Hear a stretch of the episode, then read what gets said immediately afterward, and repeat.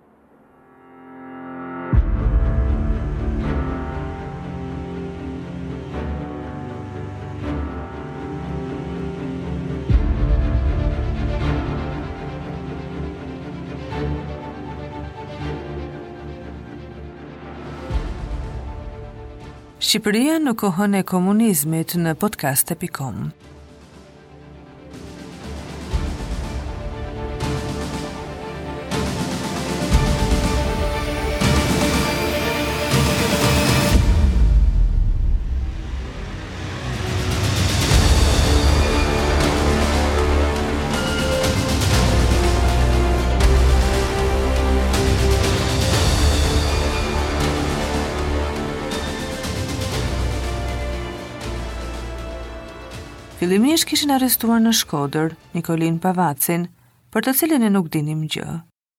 Se nuk kishim lëvizur nga Tirana dhe askush nuk na njoftoi. Traktet i kemi shpërndarë gjatë tetorit të vitit 56 dhe prapë në janar të vitit 57. Ai ishte kapur një muaj e ca përpara. Në atë kohë ishte e vështirë për të rënë në kontakt sepse mjetet e komunikimit ishin të rralla. Aty Në atë birucë, në atë varr, më kanë mbajtur tre muaj e gjysmë. Bile shpesh herë kur ishte koha që na sillnin ndonjë lugë supë apo ndonjë lugë çaj, që ndodhte dy herë në ditë, kur hapej dera dhe hynte një fije dritë, aty brenda, kur drita lëvizte në muret e qelisë, dalloje të shkruara me gjak, amanet familjen, Amanet fëmijët, nesër pushkatohem. Po në atë birucë kishin kaluar Hamit Matjani, Zenel Shehu, shumë nga ata që konsideroheshin kriminelë të mëdhenj dhe që e dinin të sigurt ose e kishin marrë pretencën për pushkatim. Një natë aty nga ora 11 e gjysmë, mbasi e kishin mbaruar procesin, na morën dhe na vunë në një dhomë që ishte më e madhe se ato dhomat e zakonshme të hetuesisë. Aty shohim një gjeneral i cili na mori në pyetje, ndërsa këta të tjerët na kërcënonin dhe na gjuanin me ndonjë grusht a ndonjë shqelm sipas zakonit, por ky gjenerali i ndaloi. Aty në atë dhomë ndodheshin edhe hetuesit e Shkodrës. Pas tre ditëve në korridorin e gjatë me qeli, Dëgjuam një zë femre që qante. Për të komunikuar njëri me tjetrin, ne kemi patur një sinjal, një kod. Këndonim Venite Adoremus dhe mbështesnim veshin në tokë për të dëgjuar rojen, e kur ai largohej pak për të ndenjur me rojen tjetër, ne i fërshëllenim njëri tjetrit e merreshim vesh. Pyesnim, Karlo, Niko, Ç'është ajo grua që qan?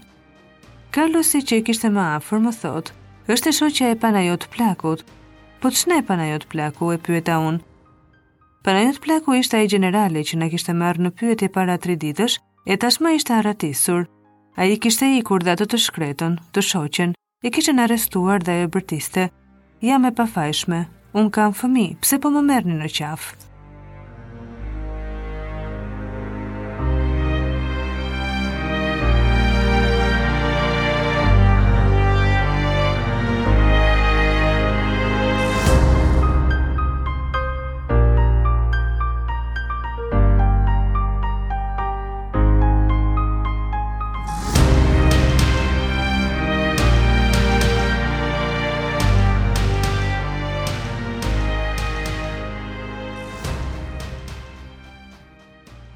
Pas tre muajsh e gjysëm, afërsisht katër na nxorën nga biruca. Kishte ardhur një xhip, një nga ato makinat e zakonshme të degës, e po priste. Më nxorën mua të lidhur dhe më hipën. Nxjerrin edhe një tjetër dhe e lidhin aty. Tani po prisnim ku po na çonin. Unë përfitova prej rastit kur dy oficerët që na shoqëronin po bënin muhabet dhe e pyeta të burgosurin tjetër. Prej nga je ti? Më thotë, jam prej Shkodre, po ti? Edhe unë prej Shkodre jam, i them. Kur e pyeta për emrin ai më tha Karlo Çefa. Po ti? Unë i thashë se jam Drek Bazhdari. Për fytyroje, nuk i njohëm dot njëri-tjetrin, sepse ishim zbardhur komplet dhe sytë nuk punonin pas 4 muajsh në errësirë të plotë. Po Nikun ku e kemi, a di gjë? e pyeta. Ai më tregoi se Nikun e kishin marrë më përpara. Po ku e kanë çuar, i them unë. S'di gjë, thotë ai. Po ne ku po na çojnë? Edhe na morën prej aty dhe na çuan në birucat e burgut të ri. Për arsye se kishin kapur një kontingjent tjetër oficerësh, pasi iku Panajot Plaku dhe duhej të lëroheshin birucat për ta. Te burgu i ri na lënë në birucë një muaj e ca, pastaj na nxorën në gjyq. Në gjyq dihet si shkojnë punët dhe ne u akuzuam si grup antiparti, si grup që do të rrëzonte pushtetin me forcë. Akuza kundër nesh ishte shumë e rëndë, që gjoja ne si grup kishim pasur ndërmend të vazhdonim aktivitetin armiqësor, do të dilnim jashtë shtetit dhe do të shkonim të specializoheshim në shkollat imperialiste për t'u përgatitur për të hyrë sërish në Shqipëri dhe për të vrarë udhëheqësin. Një alibi e tillë. Sigurisht që këto ishin të gjitha përralla. Bile fillimisht plani i tyre ishte të na bënin gjyq të madh publik, ku të ishin të pranishëm edhe studentët në sallë, por duke parë qëndrimin tonë, e pezulluan planin dhe në sallë lanë vetëm familjarët. Në fakt ligji e ndalonte burgun nën tetëmbëdhjetë vjeç, pasi Shqipëria në atë kohë ishte anëtare e Organizatës së Kombeve të Bashkuara dhe kishte nënshkruar disa karta. Por këta e justifikuan me dhënien e gjysmëdënimit këtë shkelje. Në atë kohë nuk ishin hequr avokatët dhe secili prej nesh kishte dy avokatë. Më kujtohet që kemi patur avokatë me mbiemër Tirana dhe një tjetër që quhej Koço Dilo. Madje edhe vetë avokatët ranë në burg politik më vonë. Njëri prej tyre vdiq në burg, kurse Koço Dilon e dënuan nja 15 vjet a 20 vjet. Më kujtohet kur po përgatiteshim të dilnim në gjyq.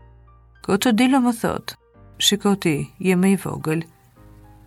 Merri përsipër ti me tekst e me të gjitha, dhe bindi që je kryesori në këtë grup. Nëse e bën këtë, ti mund të shpëtosh jetën e shokëve për arsye se ti je nën moshë. Përndryshe, ata do të pushkatoheshin, se ishte viti një mijë e nëntëqind e pesëdhjetë e shtatë dhe nuk e kishin problem të të zhduknin. Kështu që në mënyrën time i mora unë përsipër, siç më këshilloi avokati. Dhe si përfundim na dhanë dënimet maksimale për moshën që kishim, gjysmë dënimet. Mua më dënuan me 14 vjet burg. Intervista është marrë nga libri Zërat e kujtesës, nga Instituti i Krimeve të Komunizmit, realizuar nga Luljeta Lleshanaku dhe Agron Tufa. Shqipëria në kohën e komunizmit në podcast.com